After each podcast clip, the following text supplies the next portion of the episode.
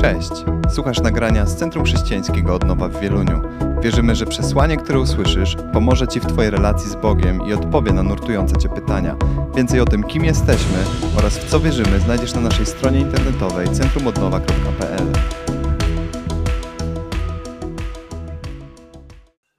Dziękuję bardzo. Witam się z, y, tutaj z daleka, z wszystkimi, z którymi osobiście e, się nie przywitałam przed nabożeństwem. I wiecie, tak śpiewaliśmy taką piosenkę, w której były takie słowo, takie słowa: Poślij swoje słowo, niech toruje drogę nam. I tak wierzę, że dzisiaj Pan Bóg przez to uwielbienie też torował drogę, aby Jego słowo mogło usiąść i tutaj głęboko osiąść w naszych sercach, aby coś zmieniało, aby coś nowego Bóg tworzył w naszym życiu. Jesteśmy dalej w tej serii listów, e, do, ważnych listów do, e, do kościołów z Księgi Objawienia. I tak, kiedy słuchałam tych wszystkich kazań, e, które do tej pory miały miejsce, i kiedy przygotowywałam się do dzisiejszego, to stwierdziłam, że Jezus wysłał do tych kościołów listy miłosne. Że to są listy pełne miłości pełne troski, pełne zachęty i motywacji do tego, żeby się chrześcijanie nie poddawali. I chociaż w niektórych z nich były pewne przestrogi i groźby, to jednak tak też działa miłość. Czasami musi pogrozić, żeby działo się lepiej, żebyśmy zwyciężyli i wytrwali do końca. Dzisiaj będziemy mówić o kościele w Filadelfii. Kościół w Filadelfii był drugim z kościołów wymienionych w tych listach, któremu Pan Jezus nie zarzuca nic. Pierwszym był kościół w Smyrnie. I jest to kościół, któremu Pan Jezus nic nie zarzucał, a raczej nawet pochwalał go za wytrwałość w, y, obliczu prześladowań. I tak jak to było za y, poprzednim razem, żeby wgryźć się w treść tego listu, musimy troszkę zahaczyć o historię, y, o historię tego miasta i też o takie tło kulturalno-religijne. Kościół Filadelfii, e, miasto Filadelfia zostało założone już w drugim roku przed naszą erą przez króla Pergamonu Atalosa II. I był to człowiek, który był niezwykle oddany swojemu bratu. I co też ma odzwierciedlenie w nazwie tego miasta, ponieważ Filadelfia oznacza miłość braterską. Bardzo piękne znaczenie. I zadaniem tego miasta było rozpowszechnianie kultury greckiej w tamtych terenach Lidii i Frygii. I miasto to było położone na takim bardzo ważnym szlaku handlowym. Szlak ten też nazywał się szlakiem poczty imperialnej. I kiedy zerkniemy na dzisiejsze tureckie miasto Al-Ashir, to zobaczymy, że tamtejsza Filadelfia łączyła wschód z zachodem. Tamtędy biegła droga z Sardes i Pergamonu do, do Laodycei i Hierapolis. Ta droga łączyła wybrzeże Morza Śródziemnego z, z terenami e, środkowej Azji Mniejszej. Dalej biegła do Kapadocji, czyli do dzisiejszej wschodniej Turcji i na dzisiejsze jeszcze dalej tereny Iraku i Iranu. Także była to naprawdę długa droga i z tego względu, że właśnie przebiegała przez Filadelfię, Filadelfia jako miasto, jej mieszkańcy czerpała z tego ogromne zyski. Bo przejeżdżały tamte, tamtędy karawany, przejeżdżały oddziały wojskowe, kupcy, handlarze. To naprawdę było czymś bardzo pożytecznym dla mieszkańców tego miasta. Położenie geograficzne Filadelfii sprzyjało rozwojowi rolnictwa, szczególnie winorośli. Na wschód od tego miasta była bardzo żyzna dolina, w której właśnie uprawiano przede wszystkim winorośl tych winnic było tak dużo i owoce z tych, e, z tych e, winnic były tak dobrej jakości do produkcji wina, że ówczesny cesarz troszkę bał się o to, że będą one zbyt dużą konkurencją dla tych, które rosną w, e, w Italii. Wydał bardzo kontrowersyjne rozporządzenie, które mu nakazywało wycięcie większości tych winnic i na to miejsce e, zasianie pszenicy. Ta decyzja była prawdziwą katastrofą dla Filadelfian, ponieważ z uprawy winnic i pracy w winnicach po prostu utrzymywali się. Było to ich główne źródło dochodu. Miasto to położone było także na płycie geologicznej aktywnie sejsmicznie, czyli takiej, która narażona jest na trzęsienia ziemi. I największe takie trzęsienie ziemi miało miejsce w XVII roku naszej ery. Wówczas miasto było doszczętnie zniszczone. Było tak bardzo zniszczone, że przez kolejne pięć lat nikt tam nie chciał mieszkać. Było niezamieszkane. Dopiero cesarz Tyberiusz, który panował w czasach Jezusa, postanowił to miasto odbudować. Odbudowa była naprawdę bardzo kosztowna i cesarz postanowił je sfinansować, tą budowę, odbudowę sfinansować z kasy państwa rzymskiego. Za co oczywiście mieszkańcy Filadelfii byli mu bardzo wdzięczni i na jego cześć zmienili miastu nazwę na Nowo Cezarea. Nazwa ta jednak nie utrzymała się długo, bo ponad 30 lat, gdzie kolejny cesarz Wespazjan zmienił nazwę na Flavia. I tak, Filadelfia, Nowo Cezarea, Flavia, wszystko to były nazwy jednego miasta. I to powodowało w mieszkańcach takie trochę poczucie przejściowości, że nic nie jest pewne. Nic nie jest pewne dla nich. Mieszkali na terenach aktywnie sejsmicznie, że w każdej chwili mogło grozić im trzęsienie ziemi, a do tego za czasów jednego pokolenia miasto zmieniało nazwę aż trzy razy. Jak już wspomniałam, w Filadelfii uprawiano winnice.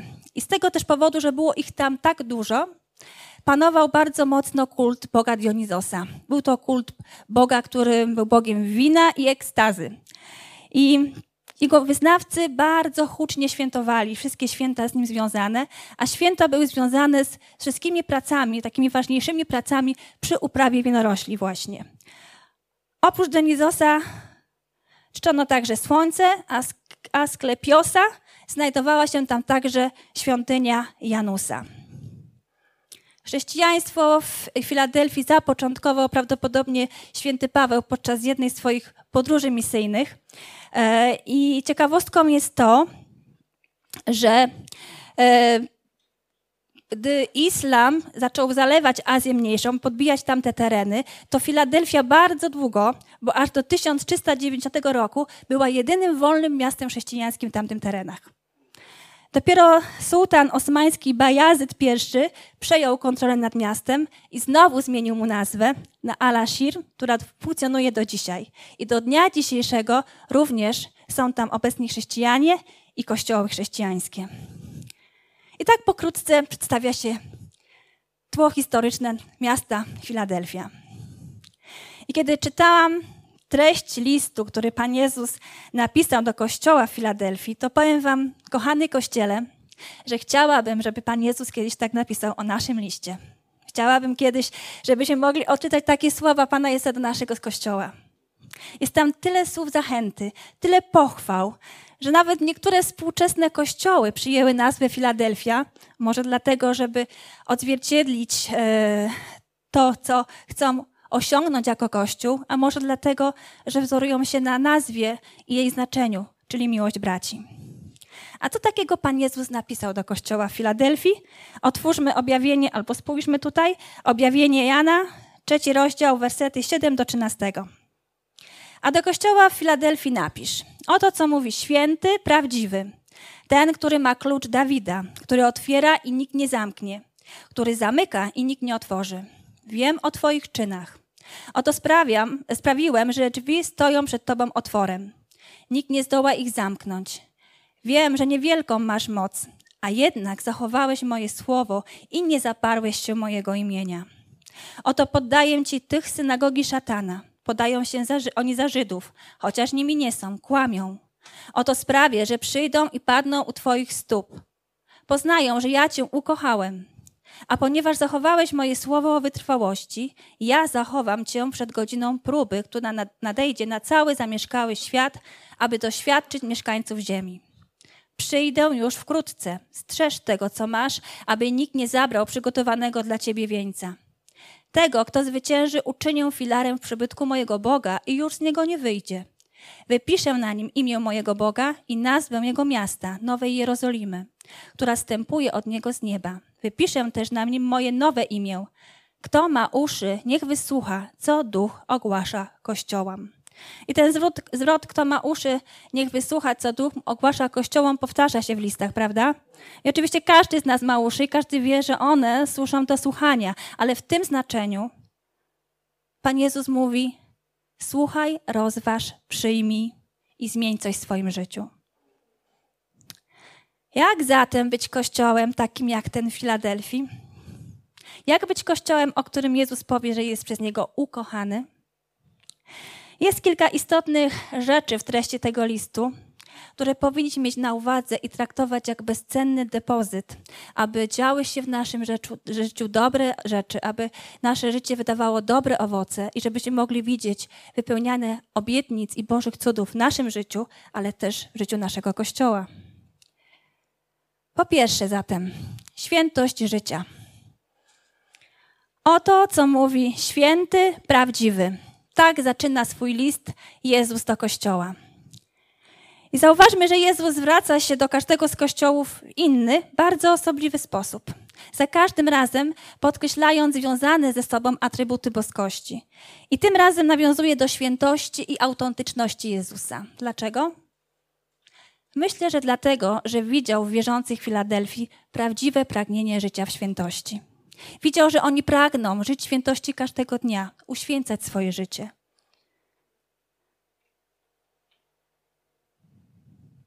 I pragnienie uświęcania na życia powinno być też pragnieniem każdego z nas.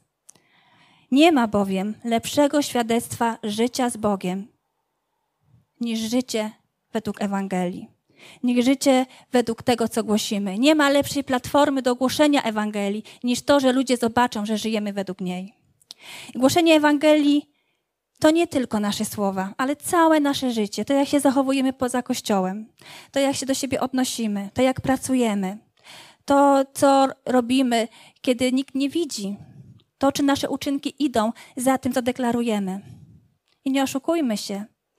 Zwiastujemy Ewangelię, jedni ludzie nas chcą słuchać, inni nie, ale ci, którzy nas chcą słuchać, uwagę zwrócą na to, jak żyjemy. To, czy to, co głosimy, idzie za tym, co robimy. Kiedy głosimy Chrystusa, musimy żyć jak Chrystus, uświęcać swoje życie i poddawać się pod Jego panowanie. I często ludzie lubią słuchać o Bożej miłości, prawda, że Bóg ich kocha, że kocha cię takim, jakim jesteś, że ma dla ciebie wspaniałe rzeczy. Ale rzadziej wolą słuchać, chcą słuchać o Bożej świętości. Że za tym też idzie, za Bożą miłością idzie też świętość. I powinniśmy według tego żyć. Kościół Filadelfii rozumiał, że, jego, że bycie naśladowcem Chrystusa wymaga pewnej dyscypliny duchowej, wymaga zaparcia się siebie, pójścia za Jezusem i uświęcania swojego życia. Na kartach całej Biblii znajdziemy wyrażenia o tym, że Bóg jest święty i podkreślenia Jego świętości. I kiedy Bóg powołał Mojżesza, kiedy tworzył naród wybrany, to jedną z rzeczy, którą, naj, o którą najbardziej walczył w sercach ludzi, była świętość. Było to, aby żyli świętym życiem. Powiedział do Mojżesza, Pan powiedział do Mojżesza, przemówił do Mojżesza tymi słowy: Przekaż całemu zgromadzeniu synów Izraela: Bądźcie święci, ponieważ ja jestem święty, Pan, wasz Bóg.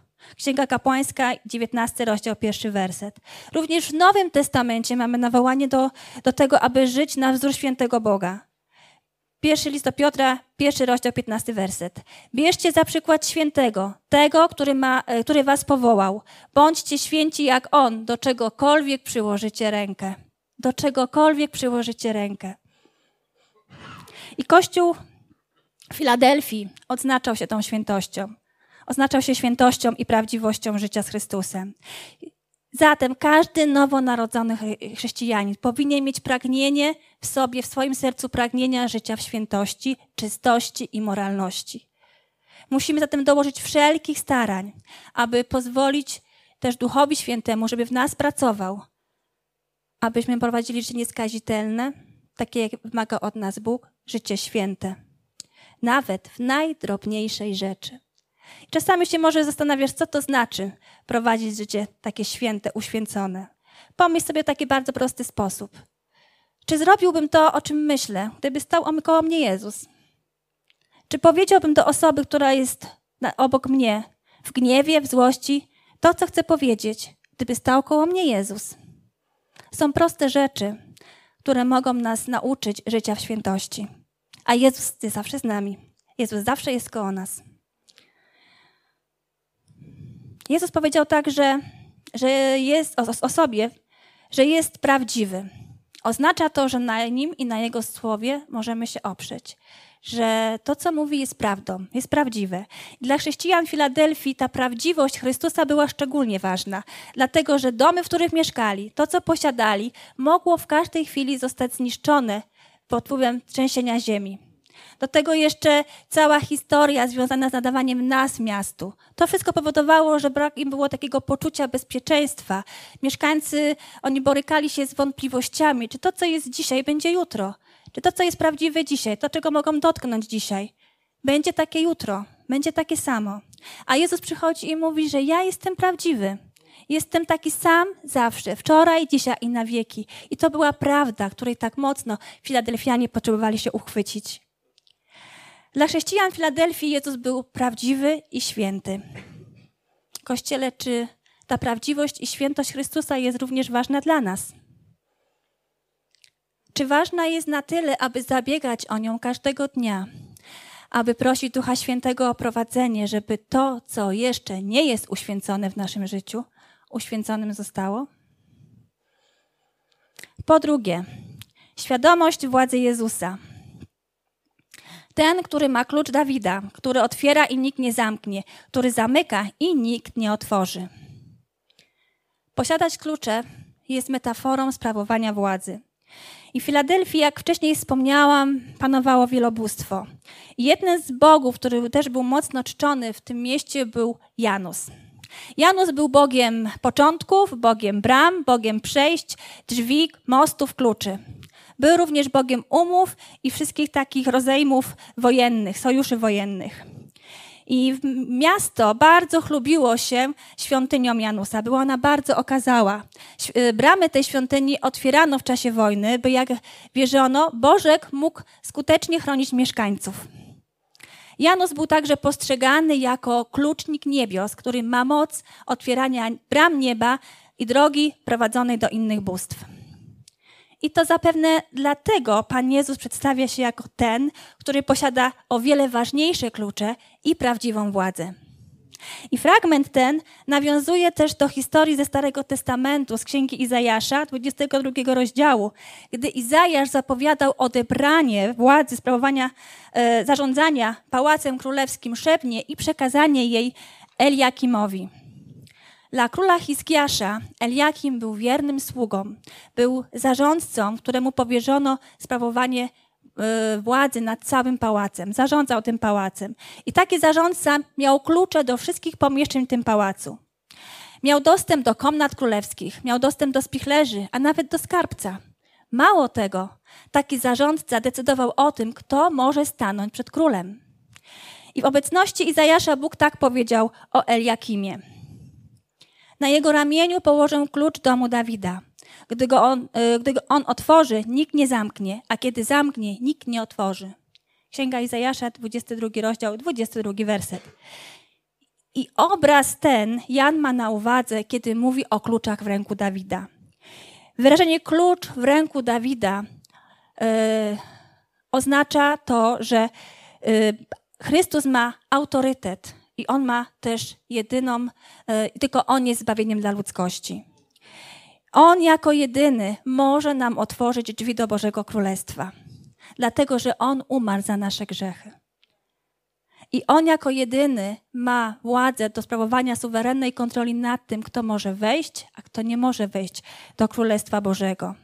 Jest on bowiem jedyną prawdziwą drogą do Boga. Jedyną prawdziwą. I na pytanie jednego z uczniów, jak mogą poznać Boga? Jak mogą poznać drogę do Boga, do Bożego Królestwa? Jezus odpowiedział: Ja jestem drogą, prawdą i życiem. Nikt nie przychodzi do Ojca inaczej, jak tylko przeze mnie. Tak powiedział Jezus Ewangelii Jana w 16 rozdziale, 16 wersecie. On jest jedyną drogą, prawdą i życiem. I może dzisiaj zastanawiasz się, jak możesz poznać Boga? Jak tak naprawdę głęboko doświadczyć Jego miłości? Jak uwierzyć w to, że Bóg jest dobry? Odpowiedź znajdziesz właśnie w tym wersecie. Tylko Jezus jest do niego drogą i tylko On ma klucze do prawdziwej, szczerej relacji z Panem Bogiem. Bo tylko On umarł za nasze grzechy, tylko On zmartwychwstał, tylko On wziął na nas swoje, na, e, na siebie swoje winy, abyśmy mogli poznać Boga, poznać Jego miłość, doświadczyć tej miłości i żyć tej miłości każdego dnia. Nikt inny i nic innego poza Chrystusem nie otworzy nam drogi do Boga, do Królestwa i do zbawienia. W obliczu tych słów Chrystus również przedstawia się jako Pan każdej sprawy w naszym życiu. Bo On może każdą naszą sprawę poprowadzić w taki sposób, abyśmy odnieśli zwycięstwo. Borykamy się z różnymi rzeczami, ale musimy pamiętać, że to Chrystus ma klucz do tego, że ma, że ma władzę i ma klucze do tego, aby coś się działo, albo żeby się nie działo. Więc musimy jeszcze bardziej ufać Jezusowi, jeszcze mocniej pokładać w nim nadzieję i powierzać mu nasze sprawy. Zaufać mu w ten autorytet, jaki ma i w to, że on potrafi naprawdę wziąć nasze sprawy w swoje ręce. Wiecie, chyba najbardziej żałosnym widokiem jest to, że chrześcijanie żyją w taki sposób, że ciągle narzekają, że ciągle narzekają na to, że jest tak, a nie tak, że ciągle martwią się o swoją przyszłość, zamartwiają się o różne rzeczy. Świadczy to o tym, że nie uznają autorytetu Chrystusa w swoim życiu i nie poddają mu swojego życia. Po trzecie, czyny mają znaczenie. Wiem o Twoich czynach. I zwrot ten powtarza się w wielu listach do kościołach. Zastanawiam się jednak, jak byśmy zareagowali, gdyby Chrystus przyszedł i powiedział: Wiem o Twoich czynach, wiem, co zrobiłeś, co powiedziałeś, jak zareagowałeś. Czy mamy świadomość tego, że tak naprawdę nasze życie widać jak na dłoni dla Chrystusa?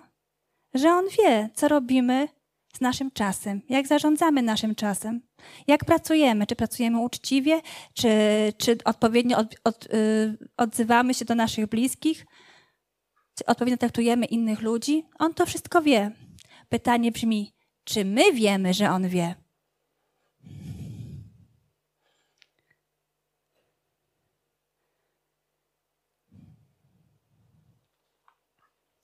I tak jak w poprzednich przypadkach, Pan Jezus doskonale znał Kościół Filadelfii. Znał ludzi, znał ich serca, wiedział, z czym się borykają, z czym się zmagają.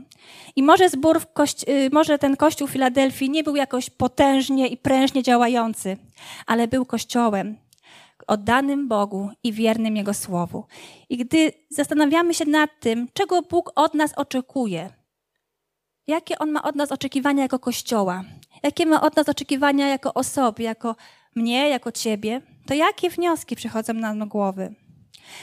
I kiedy spojrzymy w treść tego listu, to pierwszą rzeczą, jaką Jezus od nas oczekuje, jest to, abyśmy zachowywali Jego Słowo.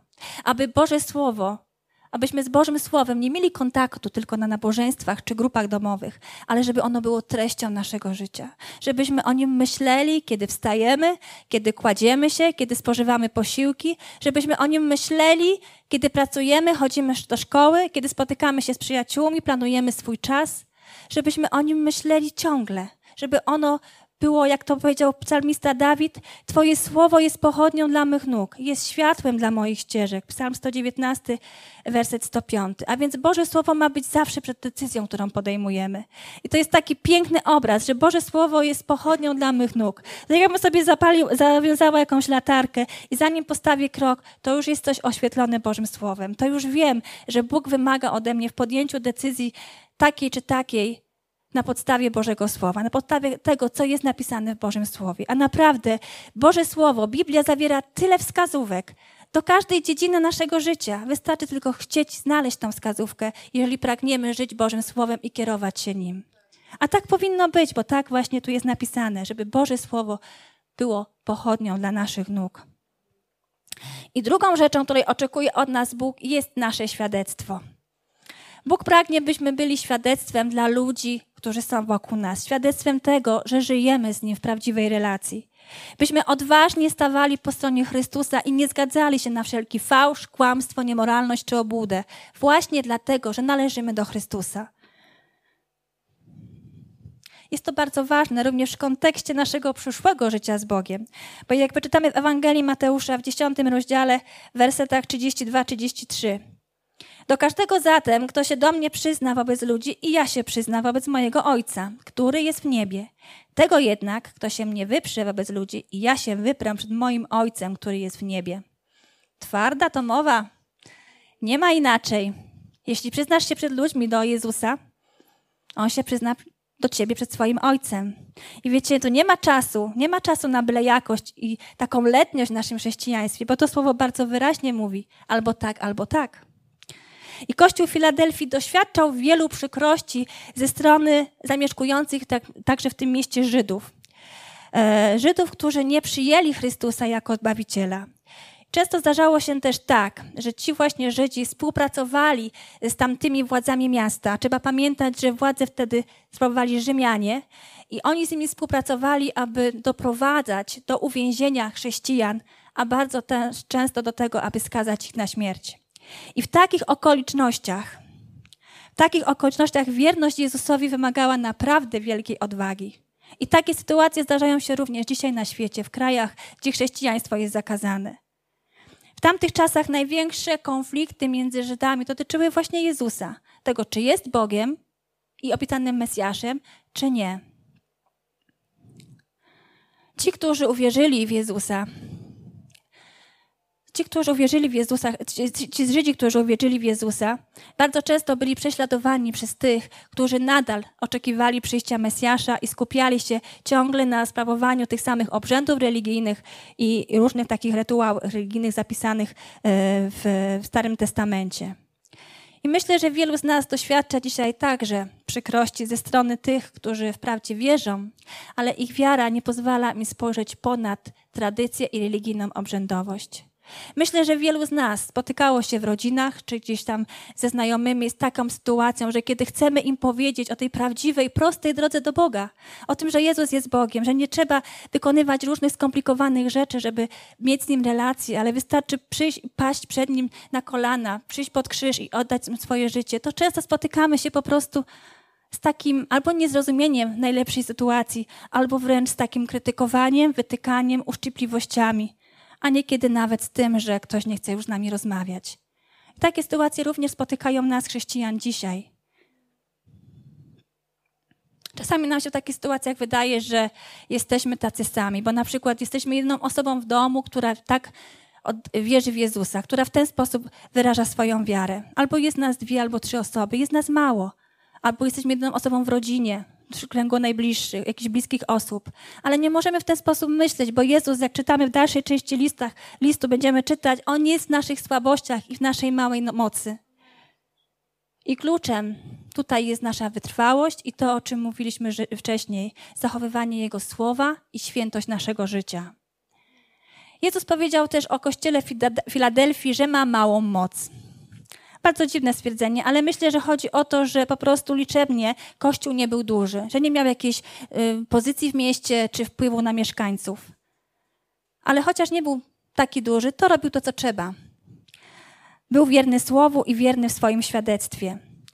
I jak czytamy w tym liście, nie ilość osób w kościele, nie ilość osób na nabożeństwie decyduje o rozwoju kościoła, ale jakość wiary tych osób, jakość wiary i życia z Bogiem Jego członków.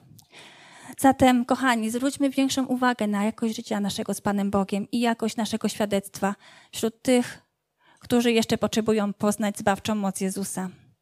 I po czwarte, warto się postarać. Tego, kto zwycięży, w ten zwrot zapowiada nagrodę. Tego, kto zwycięży, czeka nagroda. I Pan Jezus wiele obietnic kładzie przed Kościołem Filadelfii. Obietnice dotyczą zarówno tego teraźniejszego, doczesnego życia, jak i tego w niebie. I jedną z obietnic, e, którą Pan Jezus wymienia, dotyczy tych, którzy prześladowali Kościół. Jezus nazywa ich bardzo dosadnie synagogą szatana. I określenie to dotyczyło Żydów, którzy faktycznie byli Żydami, narodzili się jako Żydzi, ale duchowo nadal byli poganami, którzy sprzymierzali się z innymi poganami, aby zniszczyć wiarę i Kościół. Jezus nazwał tak Żydów, którzy odrzucili Mesjasza, ponieważ postępując w ten sposób, stali się tym samym narzędziem w ręku szatana, takim samym, jak był ówczesny kult cesarza. I ten zwrot synagoga szatana razi swoją ostrością, prawda? Ale bardzo dobitnie pokazuje konsekwencje odrzucenia Chrystusa jako Zbawiciela. Że ci, co Go odrzucają, wychodzą po taką, poza taką przestrzeń Bożego zbawienia, a tym samym stają się wrogami Chrystusa i Jego Kościoła.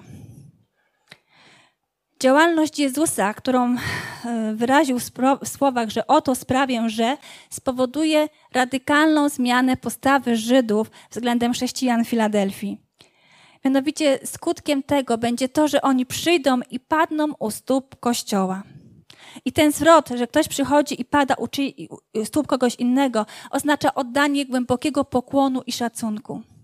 I tutaj pokłon oddany zostanie nie Kościołowi jako takiemu, ale Bogu, którego zobaczą jako obecnego i żyjącego w tym Kościele, który też będzie powodem ich przyjścia. Myślę, że dla Kościoła, który doświadczył tylu złych rzeczy ze strony swoich przeciwników, obietnica ich nawrócenia była czymś niesamowitym.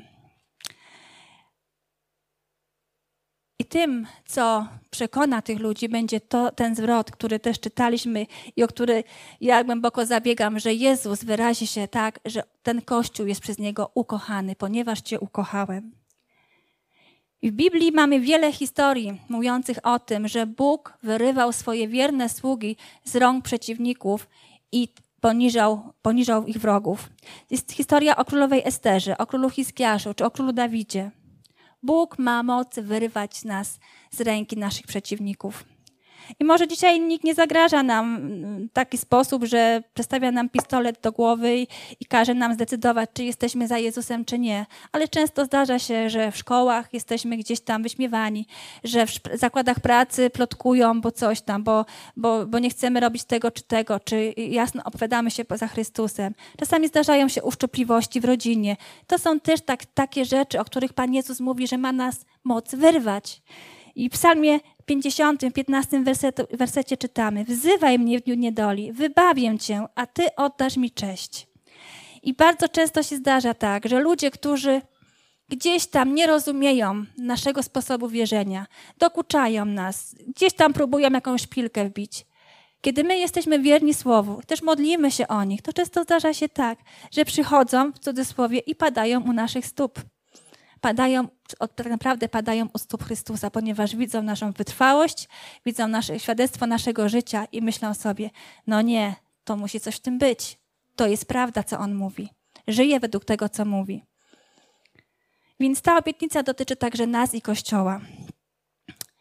Bo wierność Bogu oznacza zwycięstwo nad naszymi wrogami, ale to zwycięstwo to nie tylko takie, że oni będą poniżeni, ale to zwycięstwo to przede wszystkim to, że też poznają Boga jako swojego Zbawiciela. I o to powinniśmy zabiegać. Inną nagrodą dla Kościoła jest to, że zostały dla niego otwarte drzwi dla owocnej służby. I prawdopodobnie była to służba misyjna, były to jakieś otwarte drzwi do tego, żeby Kościół mógł zwiastować Ewangelię w mieście bez przeszkód, może w jakichś nowych środowiskach, może wśród jakichś wpływowych osób. Możemy starać się robić wiele rzeczy dla Chrystusa, podejmować się wielu przedsięwzięć, być zaangażowani w wiele akcji w mieście, ale tak naprawdę to Chrystus ma klucz do tego, żeby otworzyć nam pewne drzwi albo nie. Tego musimy, zanim cokolwiek będziemy robić, to musimy przyjść z tym do Boga, prosić Go o błogosławieństwo i prowadzenie. Tak jak to robił apostoł Paweł, który zachęcał mm, wierzących w kościele w Kolosach, aby modlili się o wsparcie Jego służby. List do Kolosan 4:3. Módlcie się przy tym i za nas, aby Bóg otworzył nam drzwi dla słowa w celu rozgłaszania tajemnicy Chrystusowej, z powodu której jestem też więźniem, abym ją przedstawił tak, jak należy. Natomiast gdy udawał się do Troady, stwierdził: Gdy z dobrą nowiną Chrystusową przybyłem do Troady, Pan otworzył przede mną drzwi do działania. Drugi list do Koryntian 7:17. A więc widzimy, że modlitwa Kościoła ma moc, aby Pan otwierał nam drzwi do działania. I wspaniałą nagroda dla Kościoła jest to, że ma otwarte drzwi do ogłoszenia Ewangelii, otwarte drzwi do robienia różnych akcji. Kościele, zabiegajmy o taką nagrodę. Przecież modlimy się o nasze rodziny, o naszych przyjaciół, o naszych bliskich. Niech więc ta obiecana za wytrwałość nagrodę, nagroda będzie naszym udziałem. Bóg również obiecał. E, obiecuje tym, którzy zostaną mu wierni, że zachowa ich od czasu, e, który będzie szczególnie trudny dla, dla całej ziemi. Biblia nazywa ten czas wielkim uciskiem i e, jest to taki czas sądu Bożego nad mieszkańcami ziemi w, dniu, w dniach ostatecznych. Ewangelii Mateusza w 24 rozdziale znajdziemy opis tego, co się będzie działo w tym czasie, ale wersety 21 i 22 są szczególnie wymowne. Nastanie bowiem wtedy tak wielki ucisk, jakiego nie było od początku świata aż dotąd i już nie będzie. Gdyby ten czas nie został skrócony, nikt by nie ocalał. Zostanie jednak skrócony ze względu na wybranych. Ewangelia Mateusza 24, versety 21 i 22. I prawdopodobnie wielki ucisk będzie związany z jednej strony z działalnością antychrysta, fałszywych proroków i mesjaszy, ale z drugiej strony z nasileniem się naturalnych kataklizmów, głodu, biedy, jakiejś nienawiści wśród ludzi, y, działań wojennych. I oczywiście takie wydarzenia miały miejsce w przeszłości i mają miejsce dzisiaj, o czym doskonale wiemy, ale Biblia mówi, że w czasach ostatecznych, w czasie wielkiego ucisku, ten czas będzie szczególny, trudny, szczególnie trudny do zniesienia ale ci, którzy wytrwają, będą od tej próby zachowani. Co do nagród przeznaczonych w niebie dla tych, którzy zwyciężą, to Bóg obiecuje, że, ten, kto że tego, kto zwycięży, uczyni filarem swojej świątyni. Dla wierzących w Filadelfii było to szczególnie wymowne, ponieważ kiedy następowały trzęsienia ziemi, musieli uciekać ze swoich domach, wszystko się burzyło, nic nie było trwałe, a tu Chrystus mówi, że uczyni ich filarem w świątyni Boga i już z niej nie wyjdą. Nie będą musieli uciekać. Będą mieli miejsce schronienia, które będzie trwałe, bezpieczne i solidne. Filar tradycji biblijnej jest także symbolem e, znaczących ludzi, e, znaczących takich ludzi, którzy, których Bóg używał do, na przestrzeni dziejów do wykonania różnych, różnych zadań. Również Pan Jezus uczniów nazywa, że są filarami Jego, Boże, Jego Królestwa. Ale na podstawie tego listu okazuje się, że tym filarem może być każdy wierzący, jeśli tylko zachowa słowo, zwycięży i będzie zbawiony. To jest cudowna obietnica. Bo filar w konstrukcji architektonicznej jest to coś, co podtrzymuje, co jest ważne, co podtrzymuje jakąś tam budowlę i konstrukcję. A więc dla tych, którzy zwyciężą i ci, którzy będą filarami w świątyni Bożej, Bóg obiecuje naprawdę wspaniałe rzeczy. Chrześcijanie, którzy będą wierni do końca, jak mówi w tym liście Chrystus, otrzymają również trzy imiona. Imię Boga, Nowego Jeruzalem i Chrystusa Jezusa Zmartwychwstałego. I w języku biblijnym wypisanie imienia oznacza władzę nad jakąś osobą, podporządkowanie jej sobie i prawo do kształtowania jej charakteru.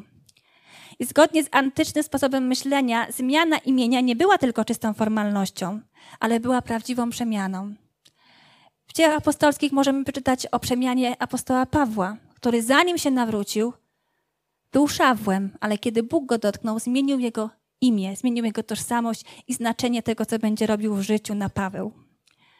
A więc zmiana imienia oznacza nową jakość życia. I Jezus to obiecuje przez tę zmianę, yy, wypisanie trzech imion, nową jakość życia dla chrześcijan w niebie, nową jakość relacji z Bogiem, głębszą, jakimś takim, nie umiem nawet sobie wyobrazić w jakim wymiarze, ale obiecuję, że y, Kościół dzieci Bożych będzie tam funkcjonował w niesamowity sposób, w jedności, w miłości, w mieście Nowym Jeruzalem.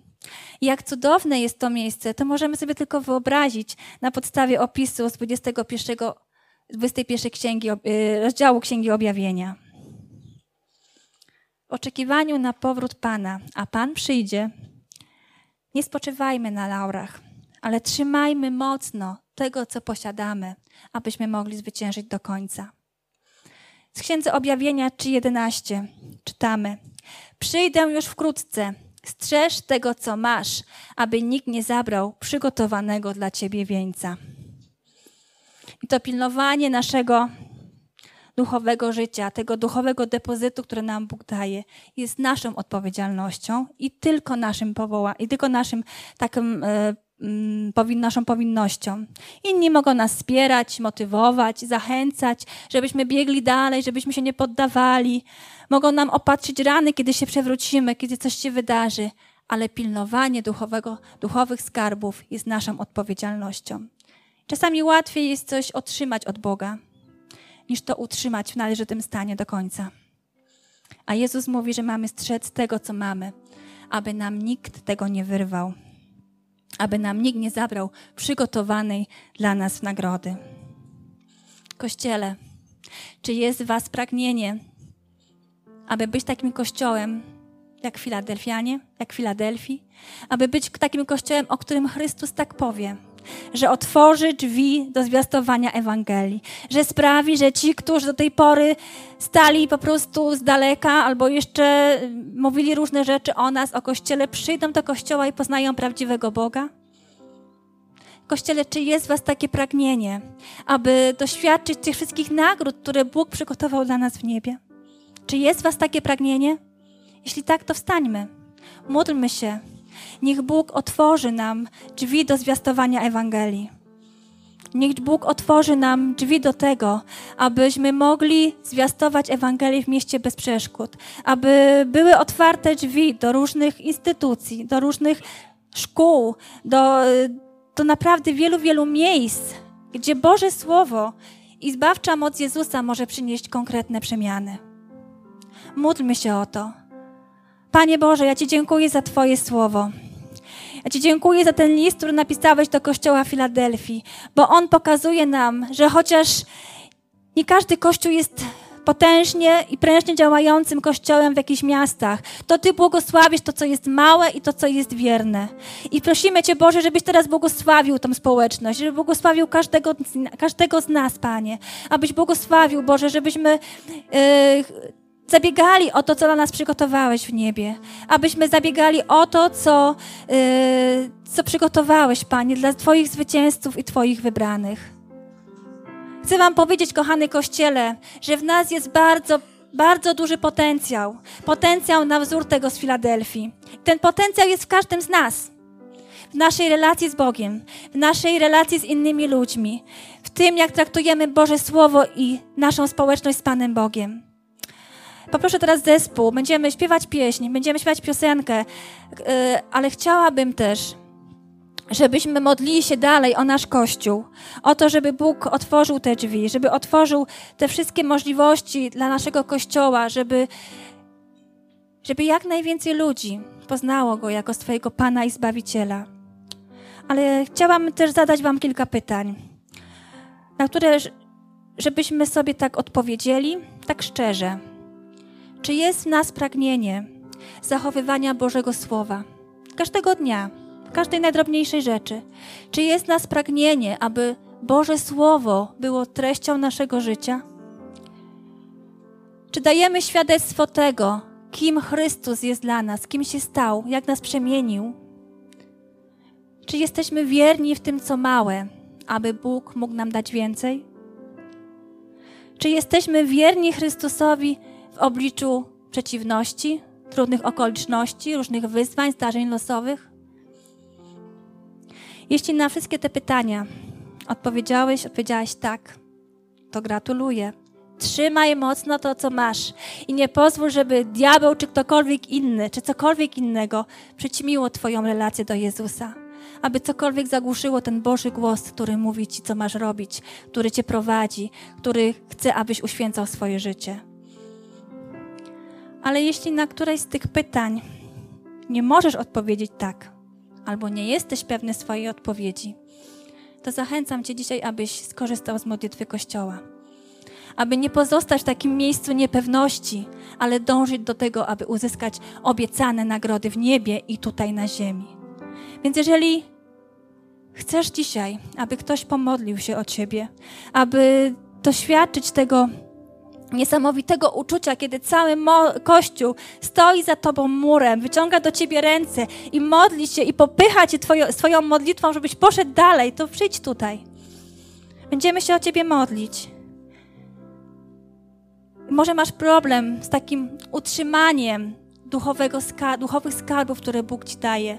Może one gdzieś przeciekają przez Twoje palce, nie potrafisz ich utrzymać. Bóg pokaże Ci, jak masz to zrobić. Przyjdź tutaj, będziemy się o Ciebie modlić. A może nie potrafisz tak do końca wprowadzić Bożego Słowa w Twoje życie. Może zbyt szybko się zniechęcasz tym, co Biblia mówi na temat pewnych rzeczy w różnych dziedzinach naszego życia. Może zbyt szybko się zniechęcasz, bo to jest za trudne. Jeśli potrzebujesz modlitwy w tym aspekcie, zapraszam Cię, będziemy się o Ciebie modlić, bo Boże Słowo naprawdę ma moc zmiany i możesz dzisiaj to zmienić, aby ono zmieniało Twoje życie. A może jest tak, że czasami masz problem z tym, żeby naprawdę być świadectwem Boga dla ludzi. Że może zbyt często chowasz głowę w piasek i mówisz sobie, a niech sobie tam mówią co chcą, ja się nie odezwę. A może zbyt często, kiedy masz okazję, nie mówisz o tym, kim jest Chrystus w Twoim życiu. Wiem, że tak jest, bo sama tego czasami doświadczam i potrzebuję też modlitwy w tym aspekcie. Ale Bóg mówi nam, że zachowywanie Jego słowa i wierność Jego, temu, kim jesteśmy w Chrystusie, daje niesamowite błogosławieństwo i otwiera nam drzwi do wielu, wielu dóbr w naszym życiu. Zatem, jeżeli dzisiaj potrzebujesz modlitwy w jakimkolwiek aspekcie, o którym rozmawialiśmy, to zapraszam Cię. Będziemy się modlić. Nie wychodź z tego miejsca niepewności. Niepewności tego, czy będziesz tam w niebie, otrzymasz ten wieniec, czy będziesz filarem, czy nie, czy Bóg na tobie wypisze swoje imiona i będziesz żył w takiej pięknej społeczności w Nowym Jeruzalem. Ale zrób coś, zrób ten krok wiary, żebyśmy Cię mogli popchnąć do przodu, żebyś poleciał i mógł wzrastać w Chrystusie. Halleluja. Dzięki Ci, Jezu. Dziękujemy, że byłeś z nami. Wierzymy, że przesłanie, które usłyszałeś, zachęca Cię do bliższej relacji z Bogiem oraz poznania nas osobiście. Zapraszamy Cię do odsłuchania kolejnych nagrań, a także skorzystania z naszej strony internetowej centrumodnowa.pl.